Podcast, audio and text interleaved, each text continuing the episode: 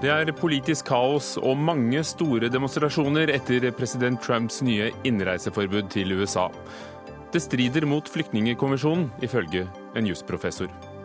Regjeringen setter 700 norske arbeidsplasser i fare, mener Sjømannsforbundet, når utenlandsferger kan bli tillatt i internasjonalt skipsregister. Alternativet er at hele rederier flagger ut, svarer Høyre. Når vi kan bestille øl på nettet og få den på døra. Hvorfor skal vi ikke kunne kjøpe øl på bensinstasjon? Spørsmålet kommer fra Fremskrittspartiet, som møter motbør i debatten her i kveld. Og trumpistiske og populistiske strømninger vil bli tydeligere i norsk politikk gjennom Senterpartiet og Frp, skriver Civita-lederen. Det er en form for stygg hersketeknikk, ifølge Senterpartiet.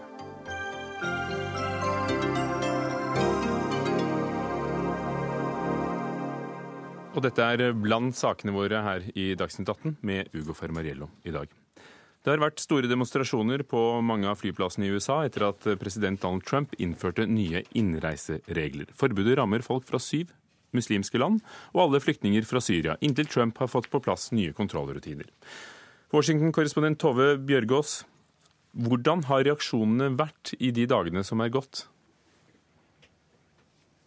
De har jo vært veldig sterke gjennom hele helgen. Dette kom jo eh, rett før helgen. Og i hele helgen har det også vært demonstrasjoner på flyplasser både i New York, her i Washington, i San Francisco, i Chicago. Og så spredte de demonstrasjonene seg i går til byer rundt om i hele landet. Eh, masse advokater meldte seg frivillig til å være på flyplassene for å hjelpe dem som kom og altså ikke slapp inn i landet. Eh, og de hadde planlagt dette fordi de visste at denne ordren sannsynligvis ville komme på en fredag. Eh, det er jo veldig stor usikkerhet knyttet til hva dette egentlig betydde. Men jeg tror kanskje innledningsvis det er viktig å forklare liksom hvorfor det skaper så sterke reaksjoner. Eh, det handler ikke nødvendigvis om hvorvidt man er for eller mot eh, flyktninger eller ønsker en hardere politikk mot terror. For mange amerikanere så er det uamerikansk å, å nekte innreise for alle mennesker fra bestemte land. Dette er et land av, av, innvandrere, og derfor så stiller slike spørsmål seg litt annerledes her i USA enn de gjør kanskje i f.eks. Norge eller en del andre land i Europa. Det har jo vært litt uklarhet hvem som rammes av dette innreiseforbudet. Eh, er det, er det blitt litt ryddet opp i nå? Det ble det i går kveld, men nå er det faktisk blitt litt uklart igjen. Altså, det er jo, eh, det er jo alle som har visum til USA, studenter, folk som skal på besøk, alle fra disse landene må ha visum, de rammes helt sikkert av dette fortsatt.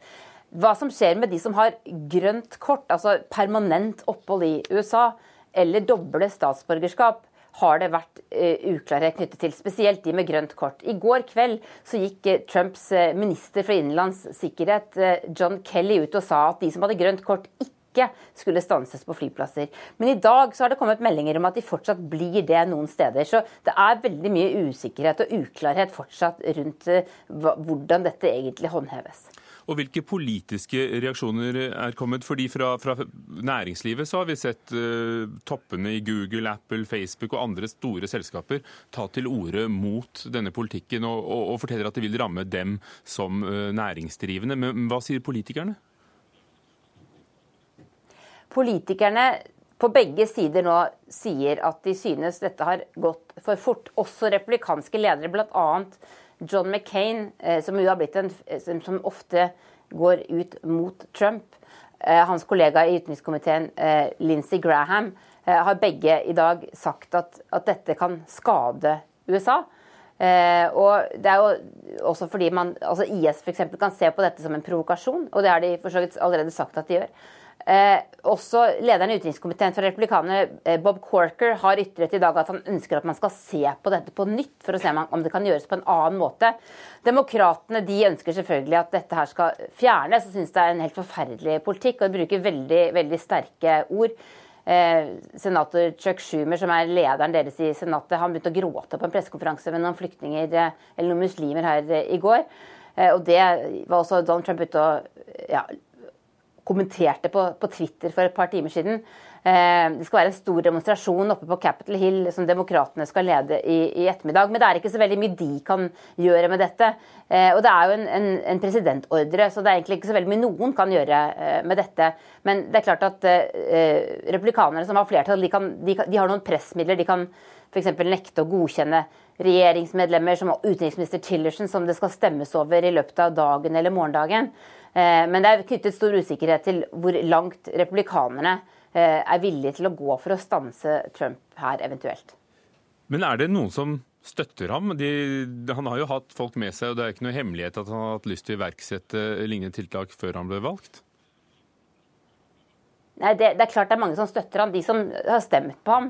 Mange av de eh, synes at dette er et riktig tiltak. Og som Trump tvitret selv i dag, det må harde, hard lut til for å eh, stanse eh, terrorister. og Det er ikke alle som kommer til å like den politikken. Så han får støtte også fra eh, mange i sitt eget parti som støtter ham, som mener at dette var noe han lovet hele veien i, i, i valgkampen. Eh, det som får eh, kritikk, det er jo måten eh, denne, altså denne uklarheten rundt det og måten det er gjort på. Men det er også mange som peker på i dag at de syv landene som står på denne lista, det var land som president Obama også satte på en liste jeg tror det var i 2011, over land der de som har vært i disse landene, må ha visum for å komme inn i USA fordi man er redde for at terrorister skal komme inn eh, i landet. Slik at eh, det er Tove, Det er jo noen som har klart å, å stikke kjepper i hjulene, bl.a. dommere. Som en ganske kjent dommer i, i Brooklyn i, i, New York, som har eh, klart å, å sette presidentordren til side. Altså, Hvilken rolle spiller domstolene? Ja, Det man forsøker å gjøre her nå, det var derfor man hadde forberedt seg allerede før dette kom på fredag, det er å få en del av disse sakene til folk som har kommet til landet, kjørt for domstolene med en gang. Det er fire dommere ulike steder her i landet. Det begynte altså i Brooklyn eh, natt til, eller lørdag kveld.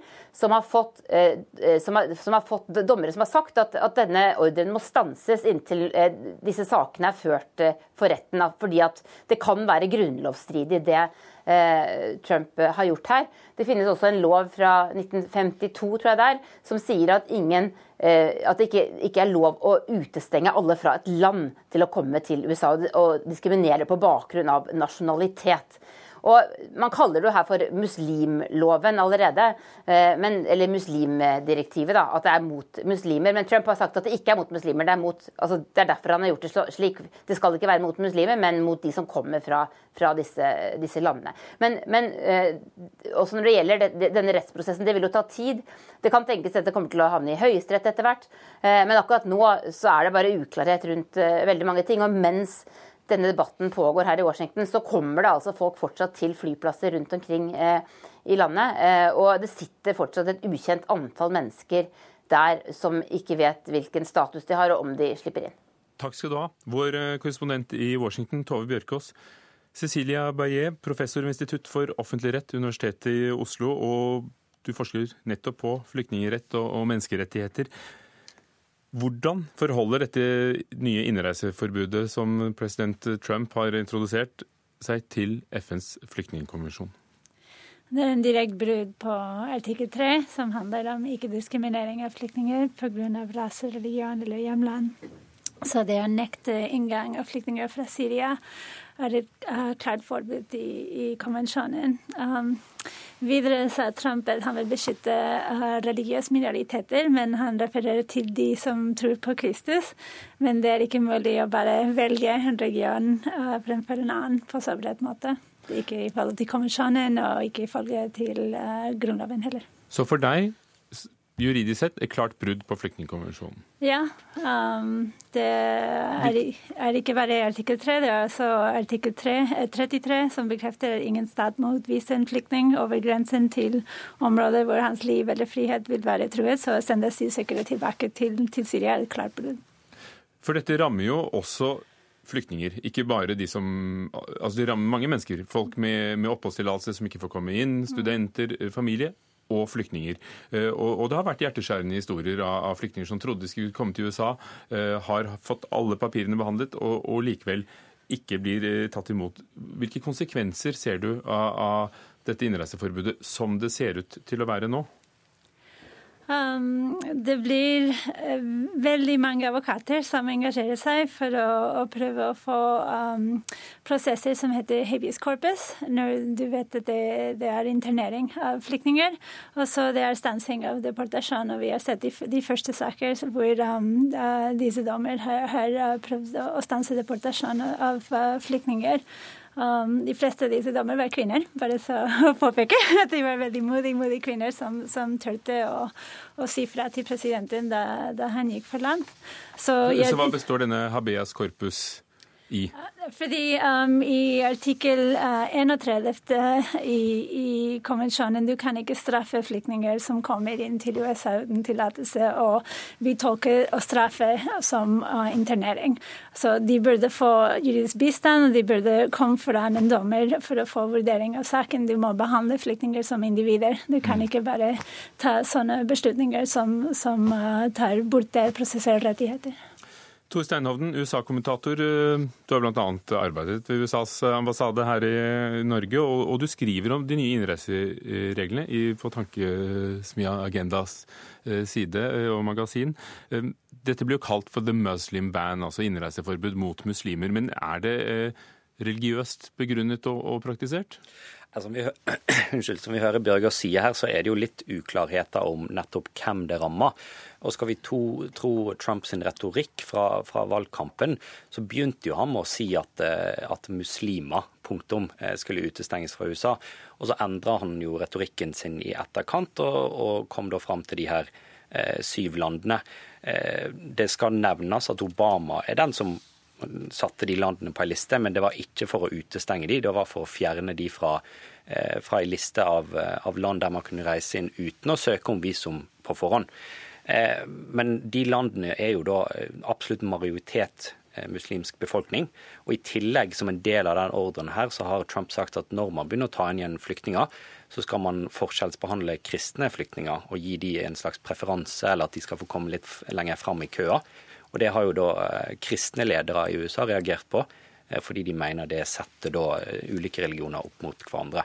Så selv om det ikke kanskje er et åpenbart muslimsk band, som de kaller det, så vil det jo i absolutt høy grad ramme muslimer, først og fremst. For argumentasjonen til Trump er jo nå at dette handler om terror og holde vårt land eh, sikkert. Det handler ikke om religion. Men er det et effektivt virkemiddel det er òg et spørsmål som man kanskje ikke har helt svaret på. Når du ser på eh, angrep eh, fra terrorister i USA, så er det vel én flyktning eller en person med flyktningbakgrunn som har gjennomført det eh, de siste årene. Det kom riktignok ganske nylig. Da var det ingen som ble drept. Og før det så var det tre cubanske flyktninger på 80-tallet som var forrige gang det skjedde. Det betyr ikke at det ikke kom til å komme angrep fra personer med flyktningbakgrunn, men de som har gjennomført de, de største angrepene de siste årene, er jo personer med amerikansk statsborgerskap eller personer som har bodd i USA lenge, og som kom dit på andre måter. Eh, så Man snakker jo ofte òg om, om, Obama sitt, eh, sitt, innreiseforbud i 2011, der i seks måneder så hadde USA innreisenekt for irakiske borgere. Det kom på bakgrunn av spesifikke trusler. Det har ikke det her gjort, og derfor så setter jeg da spørsmålstegn med hvor effektivt det faktisk skulle være. Hva kan høykommissæren for flyktninger gjøre i den situasjonen, Cecilie Baye? Um, vanligvis vi tar kontakt med regjering og andre politiske aktører for å støtte flyktningrettigheter, men um, det blir vanskelig for oss å, å forstå egentlig hvordan kommunikasjon er, fordi det er ikke offentlig. Um, men vi vet at um, å ta bort rettigheter fra flyktninger um, egentlig eskalerer risiko av radikalisering av befolkning som føler seg krenket av politikken. Så. Mm. Obama hadde satt taket til 110 000 eh, flyktninger som eh, USA skulle ta inn. Eh, og det har da Trump redusert til 50 000. Men bare for et par år siden var det 70 000, så det var, Obama økte dette på slutten av sin andre presidentperiode. Eh, hvor stor del av byrden i verden tar eh, egentlig USA? Altså USA har jo eh, kanskje litt sånn tvilsom historie når det gjelder både innvandrere og, og sin del av flyktningbyrden. Siden 80-tallet så har de tatt tre millioner flyktninger, og med et land med 320 millioner mennesker, så er jo kanskje ikke det så imponerende. De er litt heldige, hvis man kan si det, i den forstand at de, de får ikke inn personer som de ikke har kjørt veldig grundige bakgrunnssjekker på, i motsetning til Europa, der man har grenser som folk beveger seg over. Eh, men som du påpeker, under de siste to presidentene så tok USA mellom 50 til 70 000 flyktninger i året. Så den reduksjonen som nå kommer, den virker drastisk fordi Obama øker det taket i, i fjor. Eh, men på, altså ser du lenger tilbake i tid, så kunne absolutt USA tatt en mye større del av byrden enn det de har gjort. Takk skal dere ha. Tor Steinhovden fra tenketanken Agenda, og til deg, Cecilia Baillet, professor ved Institutt for offentlig rett ved Universitetet i Oslo. Dagsnytt 18 alle hverdager kl 18.00 på NRK P2 og NRK2.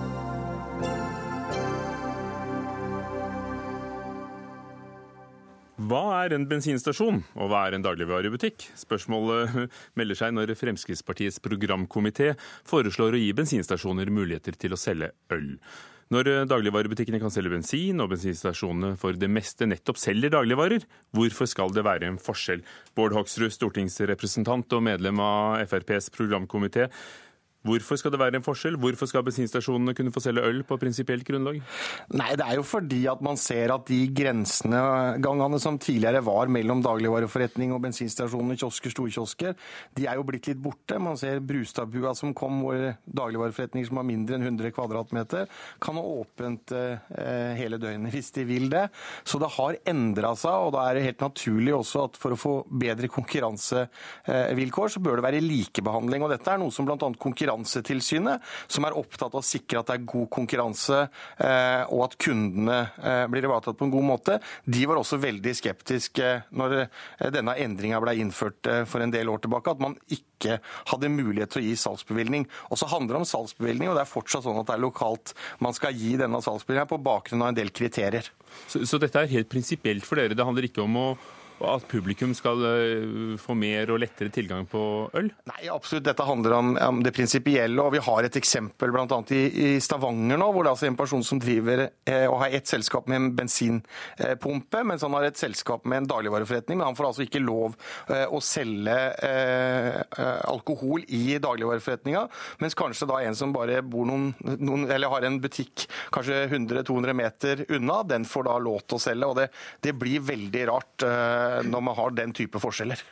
Torstein Skrøder, direktør i Virke kiosk, bensin og servicehandel. Det finnes jo da eksempler på at dagligvarer selger nå bensin. Eh, er det fritt frem for eh, Rema Norgesgruppen, Coop eller hvem som helst som driver en kolonial og selger bensin også? Ja, og Det er jo det som er så uh, spesielt med dette, at uh, dagligvarebutikkene de har fått lov til å da gli inn i tradisjonelt KBS-sortiment. Så De selger jo ikke bare bensin, men de selger jo el-ladestasjoner, de har vindusspylervæske, de selger til og med ved. Uh, så, så dagligvarebutikkene har tilpasset seg et convenience-marked, altså nærbutikkmarked. Og bensinstasjonene får ikke lov til å gli tilbake tilbake igjen inn og konkurrere med disse butikkene. For det er faktisk umulig å konkurrere med en, eh, en dagligvarebutikk som bensinstasjon når du ikke får lov å konkurranseutsette den største eh, dagligvaren i Norge, som er nettopp er øl. De er det største? Ja, det er mer enn dobbelt så stor som nest største produkt. Olaug Bollestad, stortingsrepresentant og nestleder i, i Kristelig Folkeparti. Så i dag så kan altså dagligvarene selge hva de vil. Eh, bensinstasjonene kan ikke selge det største produktet. Og, og, og vi to kan begge sitte hjemme og bestille øl på nett og, og så hente den eller få den levert rett hjem. Hvorfor skal det være sånne forskjeller? For det første så kan jeg eh, forstå prinsippet bak at eh, det er et ønske om å få tak i det store markedet. For det er helt rett at i 2015 så solgte vi for 10,5 milliarder kroner i øl, og så solgte vi for 4,9 milliarder i brød. Eh, så sånn sett så, så er dette et marked som, som veldig mange er, er, opptatt av. Men for oss er det sånn at dette ikke er en sak som bare er en næringspolitisk sak, men det er i aller høyeste grad òg en helsepolitisk sak. Og Derfor så er vi nødt for å se de to tingene sammen. Det er ingen eh, ja, altså Det er ingenting som er et større samfunnsproblem faktisk for oss enn et stort og økende alkoholforbruk. Og Vi vet òg at økt tilgjengelighet det gir et økt forbruk. og Det er grunnen. Og så vet jeg, som dere sier, at eh, det er folk som kan bestille på nett, og det blir kanskje satt på en Shell-stasjon eh, i, i, en eh, fryseboks, en sånn kjøleboks lignende tilhenger, men du må ha en kode for å komme inn.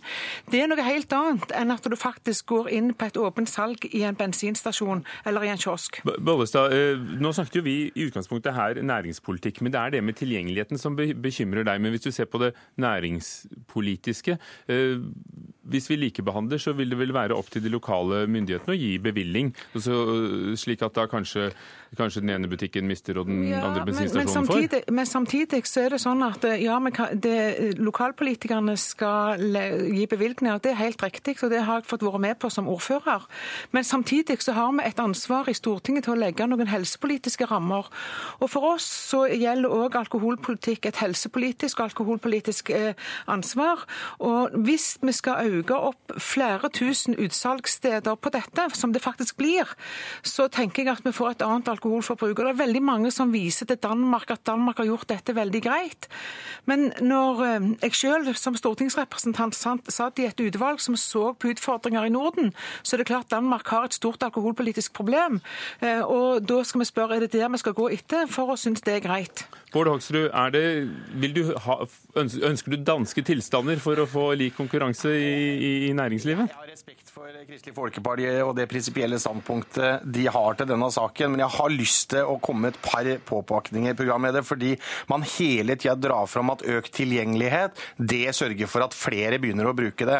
Og Da har jeg lyst til å si at Sirius har gjort en forskning på dette, hvor de gikk gjennom og så når vi fikk nye vinmonopol og flere vinmonopol, så var også realiteten at alkoholkonsum gikk ikke opp der hvor man fikk nye, uh, nye vinmonopol. Men Også, det... Jo, men, men, men greia er, eh, Bollestad, det, det, er jo, det viser at det er ikke sånn som KrF alltid sier, at bare det blir mer tilgjengelig, så blir det økt forbruk. Det er ikke realitetene når man ser på noe forskning. Og så ser man at ungdom i dag de er mye sunnere, de eh, drikker mindre og de røyker mindre. Og Det viser altså at holdningsskapende arbeid er, er vel så viktig.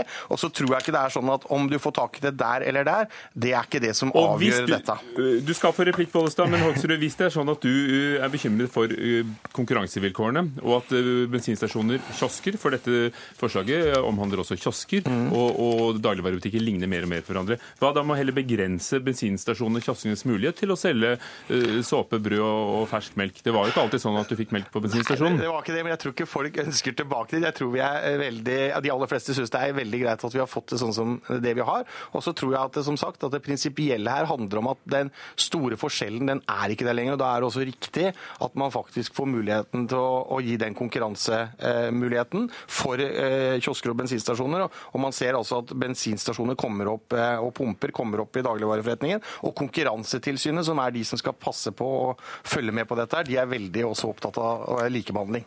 Torstein Skrøder, hva tror du vil skje hvis eh, hundrevis og tusenvis av kiosker og bensinstasjoner får selge mer, mer øl? Vil vi kjøpe mer øl? Vil dere klare å selge mer øl? Jeg tror i alle fall at det, det, vi kommer til å drikke alkohol med lavere alkoholgrad i snitt i, i Norge enn en den eh, utbyggingen som vi har hatt av eh, vinmonopol. Men det, det som er viktig å, å, å minne om her, er at vi har altså mista 700 bensinstasjoner siden årtusenskiftet. Og så har det blitt i samme periode etablert 300-400 nye dagligvarebutikker. Og de har per, per automatikk fått da salgsbevilgning for øl.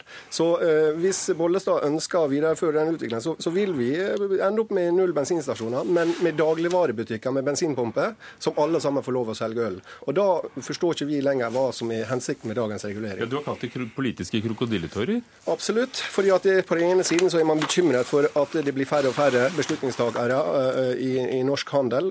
Og her har vi altså en stor sektor som er klar til å, til å legge til rette for en, en betydelig økt konkurranse i handelen. Eh, men der kan, eh, ønsker politikerne ikke å, eh, å, å hjelpe oss. Olaug Bollestad, all den stund det blir færre bensinstasjoner og flere dagligvareforretninger så blir vi, som selger bensin, blir ikke resultatet det samme? Er det politiske krokodilletårer?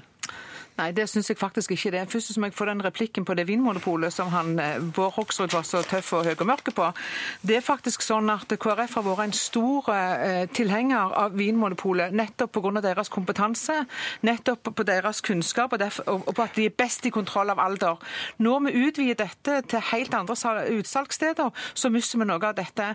Og jeg tenker at eh, når en, det blir sagt at det er et, det et, et distriktsfiendtlig politikk å ikke åpne for dette, så tenker jeg at det er faktisk ikke kiosker og bensinstasjoner som holder liv i bygda, sånn som Frp nå tror, men det er faktisk alt annet distriktspolitikk som henger sammen med bygda. Så jeg er opptatt av å få til eh, utsalg som er OK, det har jeg lyst til å si, òg i Distrikts-Norge. Men det betyr ikke at vi trenger gape over alt og si ja til alle utsalg i bensinstasjoner og kiosker. Det mener jeg er å, å bite og ta hodet av seg.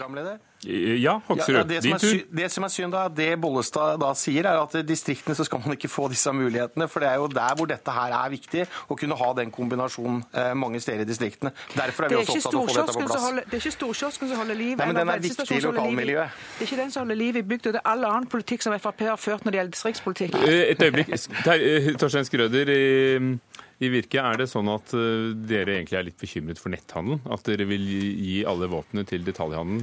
Ja, altså, netthandelen eh, det er en naturlig utvikling av eh, den handelsutviklinga vi ser nå. og det er klart at det, eh, Vår sektor kommer også til å tilby netthandelsløsning. Internasjonalt så ser du type Amazon, eh, som, som etablerer noen sånn pickup stores eh, for sine e-handelsvarer. Og det er klart at bensinstasjonsnæringa og storkiosker i Norge er veldig godt posisjonert i forhold til å eh, kunne ta den type tjenester. Men vi klarer ikke å konkurrere med en dagligvaresektor som, har, eh, som, som ikke blir konkurranseutsatt på det største produktet dagligvarene har å tilby i Norge i dag. Og det må vi få endre på. Bård Hoksrud, det er dissens i programkomiteen. Øh, Har du noe tro på at, at du vil kunne få gjennomført dette forslaget politisk i Norge, eller er det eh, nærmest en sånn prinsipiell øh, rituale dere skal igjennom? Det er jo sånn at hvert fall Vi som er for dette, tror jo at det er mulig å få det til. Det er derfor vi driver med dette her. Men jeg syns det er spennende å få lov å ha et politisk parti hvor man har en skikkelig politiske diskusjoner, og at dette er et tema på lik linje med andre viktige eh, diskusjoner som er oppe i et eh, partiprogram. Dette er kanskje ikke den viktigste saken, men det er viktig å diskutere og ha gode politiske diskusjoner og få fram alle syna. og det, eh, det er, Derfor er det viktig å ta disse debattene. Og, og Bollestad, har dere belegg for at, at flere utsalgssteder uansett vil føre til øh, mer konsum? Vi vet iallfall at økt tilgang gir for, økt forbruk. og jeg synes at Alkohol, som er et av vår tids største samfunnsproblem, kan derfor sammen, ikke sammenlignes Det kan ikke sammenlignes med, med alle andre dagligvarer, syns jeg. Vi må ta inn over oss dette, at dette er noe mer enn et prinsippspørsmål. Det er et større spørsmål, eller, eller også et næringspolitisk spørsmål. Det er òg snakk om et folkehelsespørsmål. Og disse, alle disse tingene henger sammen. Og Vi kan ikke bare skille ut og si at dette er viktig for et Vi, vi, næringsspørsmål. vi finansierer jo flyplasser i stor grad med, med alkoholsalg. Ja, og jeg har vært kritiske til òg taxfree-salget. Det vet dere sikkert veldig godt om. Fordi at jeg mener at det er en utfordring eh, akkurat på det samme. At vi faktisk bygger ned vårt forhold til Vinmonopolet, som har vært i Verdens helseorganisasjon. Et gedigent godt folkehelseløft. Det vil vi bygge ned, og så vil vi øke salget alle andre plasser. Og det mener jeg er dårlig alkoholpolitikk og dårlig næringspolitikk i, i, i et land som har klart dette så mye. Ja, Bård Hoksrud, du skal få siste replikk. Ja, veldig bra, for dette skulle jeg veldig gjerne likt å diskutere. Nå er det altså sånn at KrF gjerne vil at Vinmonopolet skal overta taxfree-omsetninga på flyplassene våre. Og de vil altså Vinmonopolet lagt opp til en kraftig økning i salget, så man kan jo av og til begynne å lure litt på argumentasjon. Iallfall bedre der enn på bensinstasjonen. Takk skal dere ha. Olaug Bollestad fra Kristelig Folkeparti. Bård Hoksrud fra, Hoksrud fra Fremskrittspartiet og Torstein Skrøder fra Virke.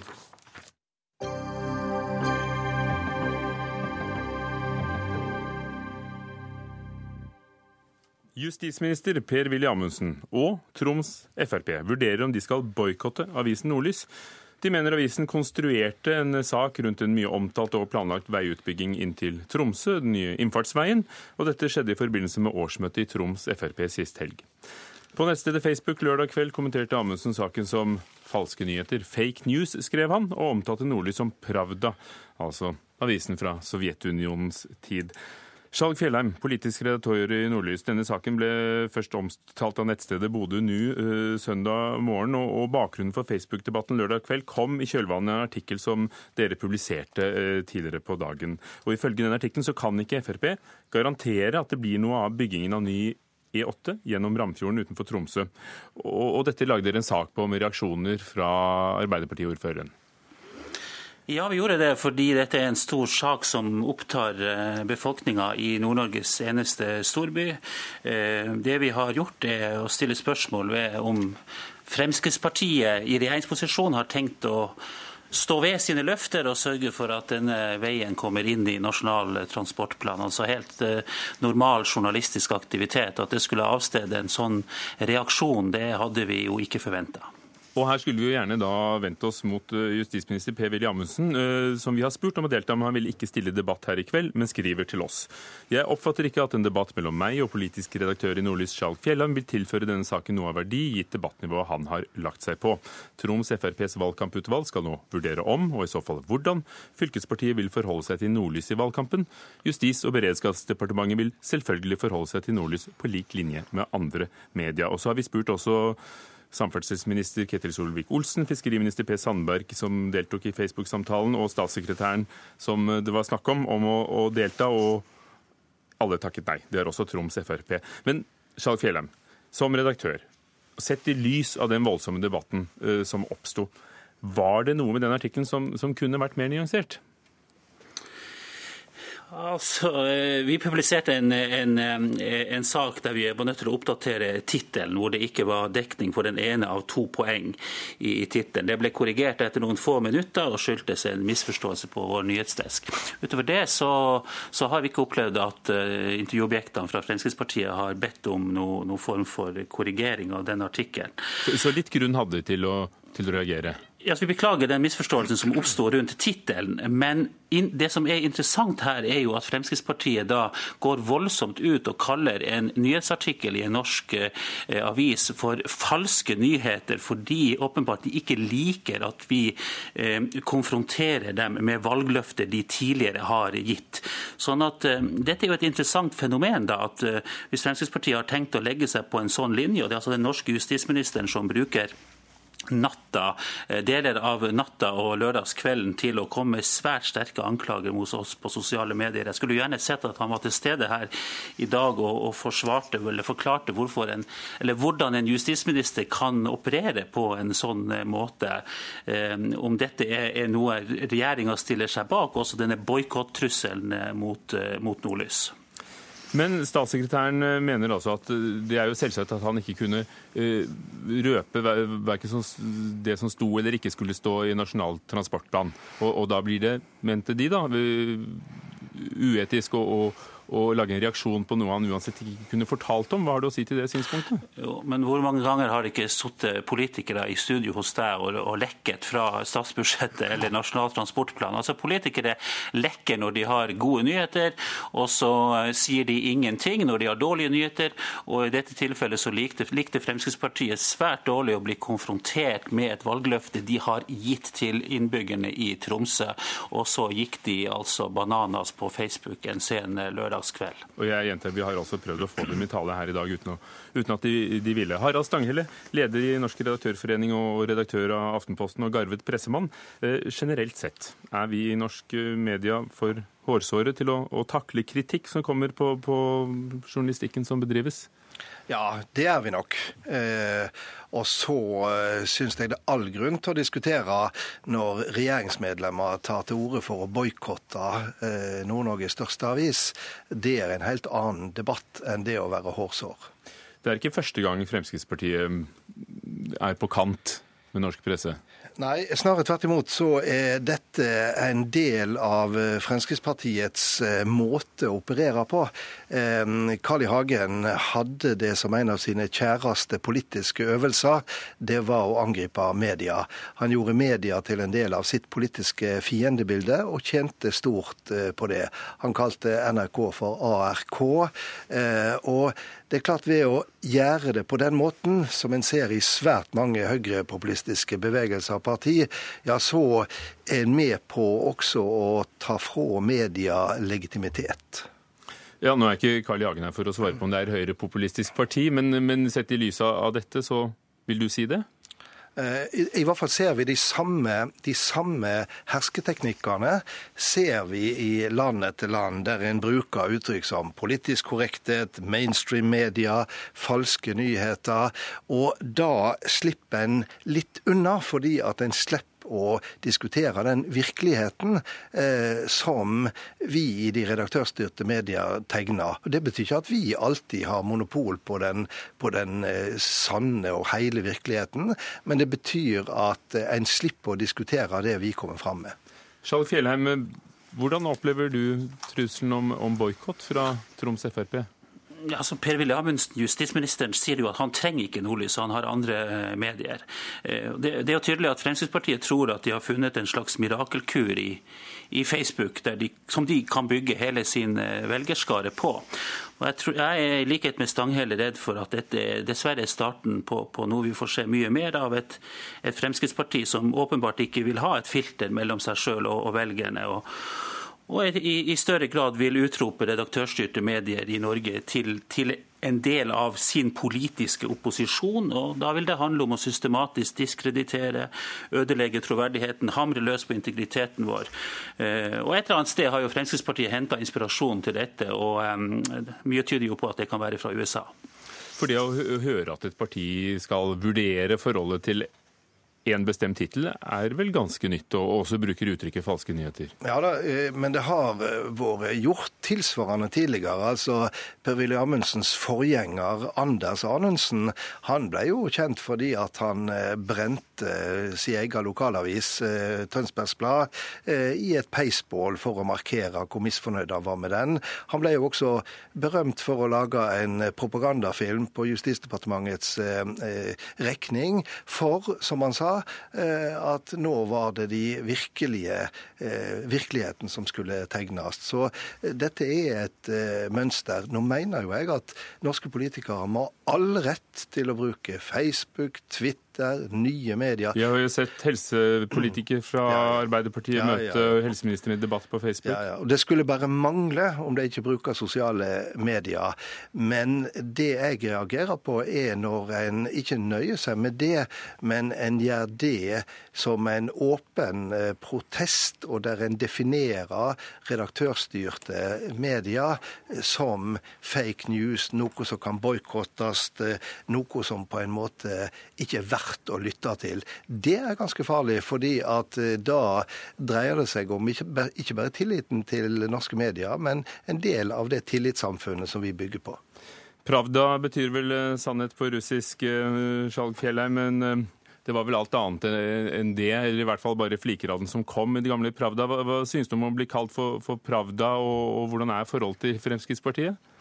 Vi har, et, eh, har, hatt et utmerket forhold til Fremskrittspartiet lokalt i Tromsø og regionalt i Nord-Norge over, over, lang tid. og Det er jo faktisk interessant å se her eh, i Nord-Norge at det er mange Arbeiderparti- og SV-politikere som rykker ut og, og, forteller at de opplever oss i Nordlys som i overkant maktkritiske mot dem eh, over tid. Nei, altså Hele poenget med et demokrati er jo nettopp at folk som Per-Willy Amundsen, som er justisminister, blir utfordra av aviser som oss, som nettopp skriver saker som man ikke liker. Og Hvis man ikke skjønner dette enkle samspillet mellom maktutøvelse og oss i pressen, så er det jo veldig rart at du kan nå så langt som å bli justisminister i, i Norge i dag. Ja, Det siste er jeg enig i, men jeg syns nok at Nordlys kan eh, akseptere og tåle at et uttrykk som eh, Pravda blir sleivete brukt i en oppheta debatt. Det får vi tåle. Takk skal dere ha. Harald Stanghelle, leder av Norsk redaktørforening, og Skjalg Fjellheim, politisk eh, redaktør i Nordlys.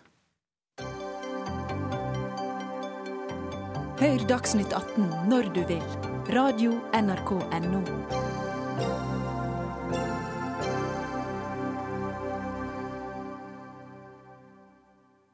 Regjeringen vil utvide muligheten for eh, redere å registrere sine skip i Norsk internasjonal skipsregister, NIS. Og det gir langt større friheter enn det vanlige norske skipsregisteret, NOR. Og nå foreslår regjeringen en endring som i praksis betyr at Color Lines to ferger mellom Norge og Tyskland, Kiel-fergen, kan omregistreres, og at 700 arbeidsplasser vil kunne gå tapt. Fjern taxfree-ordningen deres, så blir de nok i Norge. Det mener i stedet Sjømannsforbundet. Og Ronny Øksnes eh, i Norsk Sjømannsforbund og hovedtillitsvalgt for de ansatte i Color Line, hvorfor mener dere at for enhver pris bør det ikke gjøres mulig for Kiel-fergene, som det i praksis eh, vil handle om, å bli registrert i NIS? Nei, for, for, det første så uh, sier ikke vi at uh, vi ønsker å fjerne taxfree-ordninga. Vi sier at uh, det allerede i dag ligger så mange gode tilskuddsordninger som burde være nok for Color Line å forbli på et nordflagg. Slik, slik, verden er skrudd sammen, så er konkurransen i Skagerrak eh, slik at eh, rederiene fra Norge og Danmark og Sverige konkurrerer mot hverandre. Regjeringa har gjort en fantastisk jobb nå. De har laga en refusjonsordning som Color Line kan konkurrere godt med. Eh, og Dermed så mener vi at det er ikke noe grunnlag lenger for å kunne flagge ut Color Fantasy og Color Magic, noe som da vil berøre 700 sjøfolk og 700 familier. Dette er et arbeid som har pågått lenge med regjeringens maritime strategi. I 2014 så var det et utvalg som så på nettopp eh, hvilke skip som kunne være i NIS, og, og om hvilke regler som skulle holde. Og nå er det kommet til, flertallet i dette utvalget, at eh, bare de seiler 200 nautiske mil utenfor Norge, så vil de kunne Eh, kunne registreres der. Og Ove Trellevik fra Høyre, hvorfor er det behov, mener dere, for å gjøre dette internasjonale registeret enda mer attraktivt, og, og mindre attraktivt å være i det eh, norske skipsregisteret? Vi har jo en erfaring med at uh, det norske skipsregisteret ikke har vært godt nok uh, for å ta hånd om disse fartøyene her. Uh, Fjordline f.eks., som går på Vestlandet og ned mot Danmark, de har registrert sine fartøy i dansk internasjonal skipsregister. Og Stavangerfjord, som kom, eh, ble sjøsatt på å si, og kom i drift i, i, i, juli 2014, har jo ikke vært under eh, annet flagg enn en dansk flagg. Og Det syns jeg er veldig uheldig. Vi taper norske arbeidsplasser på dette. Og jeg ser helst gjerne at vi har flest mulig nordmenn om bord på norske skip med norsk flagg. og Da er det å lempe litt på reglene i NIS og gjøre tilskuddsordningen god Eh, det beste virkemidlet vi kan for å sikre og, og bedre mulighetene for flere sjøfolk på norske skip. Den ordningen som Fjordland har valgt, og det å gå til dansk internasjonal eh, skipsregister, har jo òg Color Line tidligere flagga at de ønsker å, å benytte seg av. Og Når vi ser at eh, både DFS og Fjordline går med utenlandske flagg, så er det jo en reell fare for eh, at dette òg kan bli virkeligheten for de ansatte og eierne på, på, på Fjordland sine båter. For, for Ronny Øksnes, du, dere i Sjømannsforbundet er altså bekymret for uh, de norske arbeidsplassene om bord nå.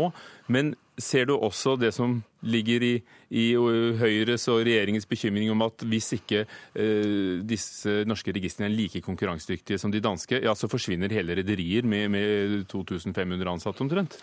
Ja, men Det er jo akkurat det som er tingen. I 2014, når Fartsområdeutvalget ble satt ned, eh, så var spillereglene noen helt andre enn de er i dag.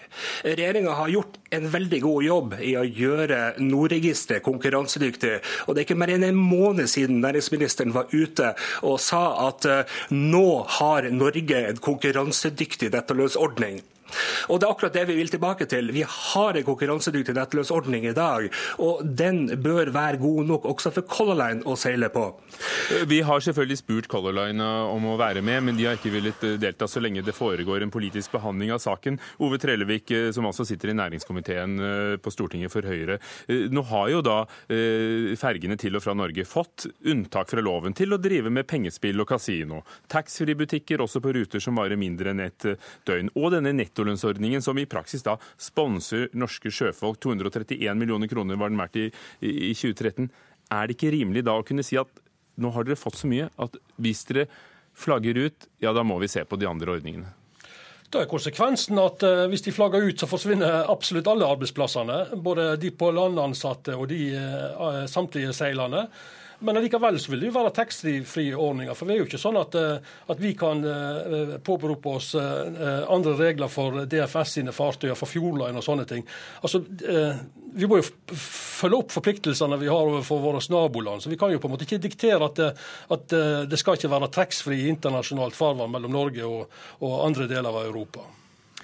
For, for, selv om du sa Ronny Øksnes, at dere ikke har foreslått å fjerne taxfree-ordningen, så er det jo det du ber regjeringen gjøre, og, og rasle med, med, med sablene om, om, disse forskjellige godene. Men det ville jo rammet alle. Og, og, og er det troverdig trussel fra regjeringen at ingen ferger til og fra Norge skal få drive med det som tydeligvis er så lønnsomt?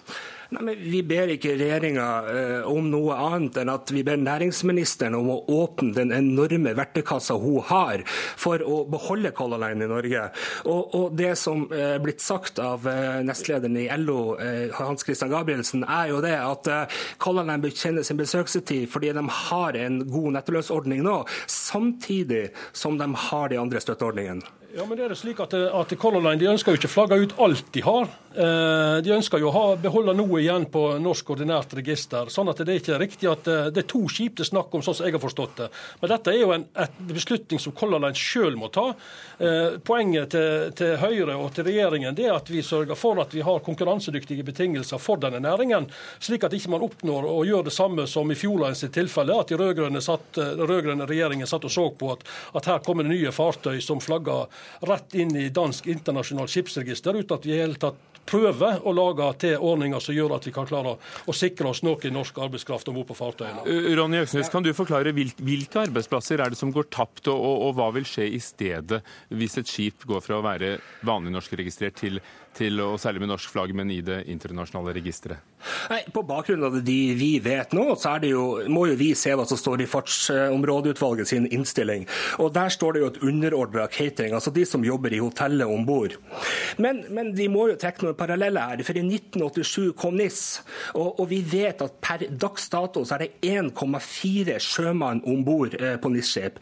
Høyre skryter av at det kommer masse nye skip inn i NIS-segmentet, men det kommer jo ikke noe sjøfolk med de NIS-skipene. Det er jo bare tonnasjen, eneste som er fornøyd. Det er feil. Det, i, i, per mars 2016, før den store nedturen i offshoresektoren kom, så var det 1000 flere sjøfolk som ble benytta seg av den refusjonsordningen og den nye tilskuddsordningen. Så det er ikke riktig. det som for, for Trellevik, er det sånn at, eh, at denne nettolønnsordningen som gjør at uh, det er attraktivt å være i det norske registeret, uh, eller også ha norske altså, sjøfolk fra EØS-land som skatter til Norge, for nå har vi jo ett europeisk arbeidsmarked, eh, er så attraktivt at de fortsatt, uansett register, vil, vil velge så mange norske sjøfolk som mulig? Er det det som er teorien din? Ja, mitt ønske, Man må jo, eh, man må jo velge selv, Rederiene må jo velge sjøl hvilken kompetanse de er på, på, jakt etter. Men jeg ønsker at, eh, at, eh, norske sjømenn skal være konkurransedyktige. og Derfor har jo òg regjeringen styrka både utdanningsløpet og, og, en rekke andre tiltak for å styrke nettopp den, den norske seilerne sin, sin, kompetanse, og at den skal være attraktiv. Men hvis NIS-skip har i snitt 1,4 norske matroser om bord, hva, hva, har vi å tjene på å, å ha mange skip i NIS, sånn sett fra Norge AS? Eh, det er mange grunner til at vi ønsker å ha et attraktivt NIS. Jo større eh, antall fartøy vi har under norsk flagg, jo større betydning har den norske stemmen i de internasjonale forhandlinger. Og større påvirkningskraft har vi i de internasjonale avtalene som skal lages. Det gjelder den internasjonale eh, konkurransen og vilkårene for internasjonal skipsfart. Men får vi mer skatteinntekter av det? Vi får selvsagt mer skatteinntekter jo flere nordmenn vi har om bord, og jo flere EØS-borgere vi har om bord på fartøyene. Ronny Øksnes. Jeg, jeg, jeg, mener, jeg mener Trellevik blander korta litt nå. For La oss begynne med et fakta. Vi har aldri tidligere hatt færre sjøfolk enn vi har akkurat nå. Eh, på toppen av det hele så prater nå da Høyre om å åpne opp, slik at Color Line kan sette på land 700 til. Den andre tingen er at det er kun ett krav i NIS, og det er at det skal være en EØS-kaptein om bord. Og i dag, med 2000 norske sjøfolk eh, på land, 154 skip i bøyen, så gir fortsatt eh, det dispensasjon fra det eneste kravet om EØS-besetning eh, e om bord på skip. Men Ronny Øksnes, hvis det er sånn at konkurransen er så presset på fergesambandene. Fjordline er flagget ut. FDS er et dansk selskap du, du, vil tross alt beholde et rederi som betaler selskapsskatt til Norge. Du vil beholde mange andre arbeidsplasser på de andre skipene i Norge. Er ikke det da likevel å foretrekke?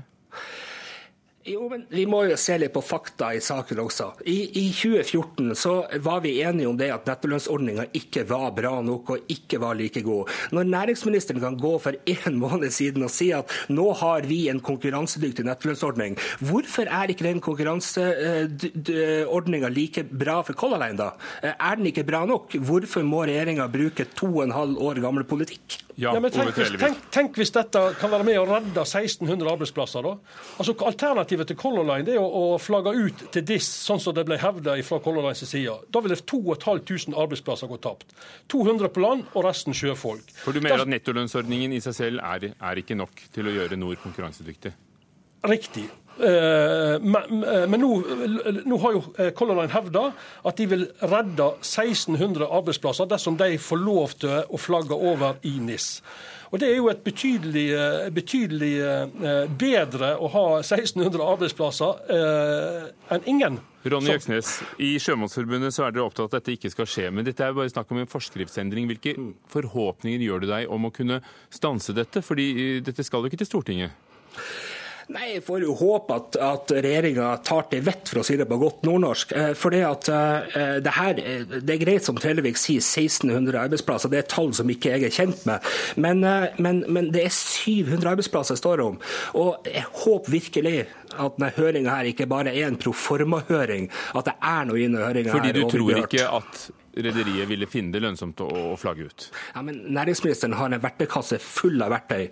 Den får næringsministeren bruke og drive med næringspolitikk, ikke legge til rette for Vi, vi oppfattet det poenget, og Ove Trellevik fra Høyre vet, vet dere hva? Vi har brukt opp tiden vår. Ja, men, men, ESA har jo sagt at den ordningen som vi har i dag, er ikke er ulovlig. Jeg må få replikk på den.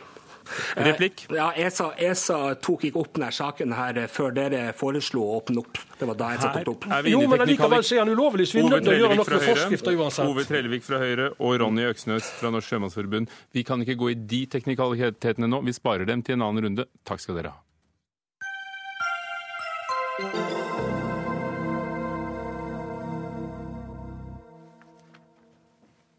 Den norske Trumpismen finnes på begge sider av midtstreken i norsk politikk. Det skriver leder av tenketanken Civita, Kristin Clemet, i en kronikk i Aftenposten. Og mener norsk politikk ikke er uberørt av de populistiske strømningene i Europa og USA, og dermed også presidenten Donald Trump. Clemet skriver spesielt at her hjemme er det særlig Senterpartiet og Fremskrittspartiet som nå ser nytteverdien av å spille på motpolene by og land, folk og elite, eller vi i Norge og de andre. Anne Beate Tvinnereim, andre nestleder i Senterpartiet. Dette har fått deg til å reagere, og hva er det som gjør at du føler deg truffet? Altså, Den type hersketeknikker eh, er vi jo vant til i norsk politikk. Men jeg syns på en måte det går over en grense når man skal assosieres med en amerikansk president som de siste dagene jo har skremt vettet av veldig mange av oss. Og jeg syns det er for det første en, en, slags hersketeknikk, og for det andre så mener jeg at det bare bidrar til å øke de der motstandene og, og banalisere den norske politiske debatten. Da. Jeg synes, kan, altså, kan vi ikke heller diskutere innholdet i politikken istedenfor å sette den type klistremerker på hverandre? Du bruker jo et eh, ganske fargerikt klistremerke selv, nemlig ordet Trump-skvetting. Mm. Hva legger du i det? Nei, altså Det er jo en måte å tillegge politiske motstandere motiver som vi ikke har. Og, og, og, og eh, som sagt, jeg tror at det bidrar til å skape stor avstand i en norsk politisk debatt som vi alle har interesse av å, å holde litt sånn nøktern. Kristin Clemet, eh, hersketeknikk? Nei, altså jeg mener at jeg skrev en veldig nøktern analyse. Dette var ikke en artikkel verken egentlig om Trump eller Senterpartiet, men det var et forsøk på å analysere de politiske vindene vi nå ser blåser over Europa og USA, som jeg mener det er viktig å forstå og analysere. Eh, og det jeg startet med å si her, er at det er veldig mye forskjellig. Bare for å ta ett eksempel. Disse partiene i Europa fordeler seg på tre-fire forskjellige grupperinger i Europaparlamentet. Så det er veldig forskjellig. Men noe er også likt. Og det jeg så på, var er det en felles ideologisk kjerne her. Så så jeg på Er det noen saker som er felles, som går igjen, som de ofte er enige om, disse partiene i Europa og USA? Er det noe med retorikken som er felles? Og er det noe med velgermønsteret, altså hvordan velgerne stemmer i disse landene hvor disse partiene går frem osv.? Og Da fant jeg en del fellestrekk som jeg refererte, og så spurte jeg ser vi noe av dette i Norge. Og, det, og så svarte du? Ja, og det mener jeg at vi gjør. Og det ene jeg svarte, er at jeg tror vi kommer til å se nesten alle partier spille mer på nasjonale strenger enn de har gjort før. Det er liksom en del av tidsånden. Og kanskje også noe de tror på selv. Vi har bl.a. sett Høyre og Arbeiderpartiet i det siste har kommet frem med initiativ som er knyttet til det nasjonale. Men så sa jeg også at hvis man ser på hvem som er mest like disse bevegelsene, enten det gjelder ideologisk kjerne eller saker eller retorikk, så er det i Norge etter min mening Senterpartiet og Fremskrittspartiet. Og, eh, og jeg syns ikke det er noe forsøk på altså det, er, det er forsøk på en nøktern analyse, og jeg vet ikke riktig hva det er ved det jeg har skrevet som er feil. For det har jeg ikke fått noe svar på, egentlig. Hvor bommer Clemet i analysen sin? For det første så er dette en veldig slett analyse, og for det andre så er ikke Kristin Clemet mer naiv enn at hun vet at når hun bruker ord som høyrepopulisme, kritikk av eh, islam, av Russland-sanksjoner, av innvandring, i samme setning som hun nevner Senterpartiet og Frp, av hva de forskjellige partiene i Europa driver med. Så er det å klistre alle motstandere av den politikken hun selv står for, i en sekkepost som hun kaller trumpisme. Og som sagt, i en, i en situasjon eh, globalt hvor vi alle er eh, nærmest Ja, vi sitter og måper over hva som kommer fra Det hvite hus hver eneste dag, så syns jeg det blir, eh, det blir for enkelt. Og så, er det et poeng til, og det er, altså det er jo ikke bare Kristin Clemet. Det er veldig mange nå som skal analysere alt som skjer i politikken, også i Norge, i en sånn Trump, uh, et Trump-klima. Og det men, men, kan, kan vi ikke du, slippe det i Norge. Vi er så langt du, unna det. Du, du gjengir meg feil. For det at jeg ramset opp var en, det som ofte forener en del av disse partiene i eh, særlig Europa, altså delvis USA. Og da er de sakene jeg da tar frem, er akkurat de samme sakene som forskerne ser på, eller store internasjonale medier. Og da er det sånn at ingen partier klikker inn på alle disse sakene, men det er ofte en enighet på disse områdene. Og så vil jeg si en ting, at Noe av det jeg har inntrykk av at du reagerer på, er at jeg har kalt, eller sagt at Senterpartiet eller Fremskrittspartiet bedriver en slags populistisk retorikk. Nå sa jeg ikke det i den artikkelen, men at du tolker det sånn. Og Det vil jeg si at det er det grunnlag for å si. For en kjerne i populismen det er dette eh, å spille på dette folk og elite. Som om det fins en én folkevilje, i motsetning til eliten, som nærmest er halvkorrupt og ikke har aktverdige motiver. Og jeg har aldri hørt at du har spilt på det, med din partileder gjør det.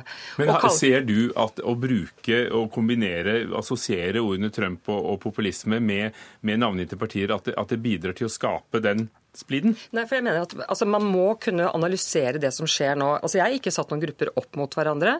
Jeg har aldri ment at man ikke skal ta de sakene eller det opprøret vi ser i mange land, ikke skal ta det alvorlig. Det mener jeg absolutt at man skal ta alvorlig. Men man kan ikke analysere dette fenomenet uten å ta i bruk et analytisk begrep som populisme.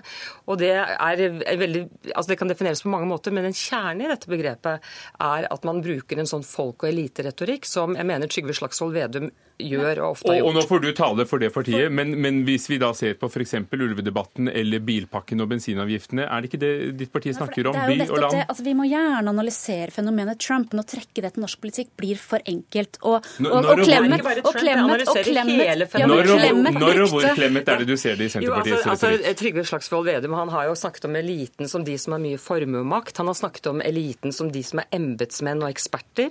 Han har snakket om de som sitter på kafé eller på kontor i Oslo Oslo som eliten som ikke har respekt for det han kaller levd liv. Okay, det, får, det, får, det får holde av men, dette, men dette er istedenfor å diskutere sak, så det er på en måte å delegitimere en reell politisk uenighet. Tvinnereim. Men Clemet, i din kronikk så bruker du kommunereform og ulv som eksempler på, på denne, eh, denne eh, Jo, men det er i disse sammenhengene han har sagt det. Og, ja, og poenget er at vi ville da ikke gjort jobben vår hvis ikke vi hadde sagt ifra når regjeringen kom med politikk som splitter eh, sentrum og periferi. Og det å da påstå at vi bruker en retorikk for å eh, synliggjøre den frustrasjonen som er hos folk pga. en politikk som regjeringen, din regjering fører, det, det syns jeg er altså, Altså, jeg synes det, er, det er selvfølgelig helt legitimt å argumentere mot kommunereformen eller mot uh, ulvesaken, men det er denne folk- og elitestommen. Det er én folkevilje der ute som dere representerer, i motsetning til eliten, som ikke har noen aktverdige motiver. Erna Solberg sitter bare inne på et kontor hvor hun ikke har kontakt med virkeligheten eller de som har levd livet. Altså, Den typen vi, retorikk vi er veldig Erna Solberg sitter i Oslo, er, det er jo sant. Er, den typen nå, retorikk er klassisk populistisk retorikk. Nå har vel Senterpartiet alltid stått for uh, desentralisering sentralisering og, og kjempet for nasjonal selvråderett. Har det alltid vært et populistisk parti, slik du ser det? Altså, eh, de har alltid stått for mange av disse sakene, men jeg vil si at perioder, så, i perioder så brukes en mer populistisk retorikk. Vi hørte også denne retorikken i forbindelse med EU-kampen i 1994, og vi hører den mer igjen nå. Ligger det ikke også i det Anne Beate Tvinnereim, at å være populist og å være populær, som dere har vært på meningsmålingene, at dere faktisk taler til folk? Jo, og som sagt, Jeg tror ikke vi hadde gjort jobben i år hvis ikke vi påpekte at disse, eh, denne mots... Eller eh, sentrum mot periferi er en forsterka konflikt. Og, og den det, som har skylden for det, er regjeringen. At dere aldri spiller på den heller, i deres talemåte?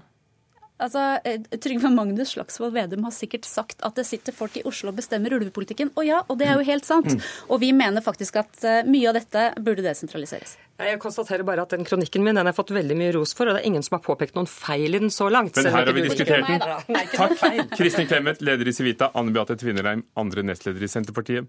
Fredrik Lauritzen var ansvarlig for denne utgaven av Dagsnytt 18. Lisbeth Sellereite, teknisk ansvarlig. Ugo Fermarello, programleder. Takk for i dag.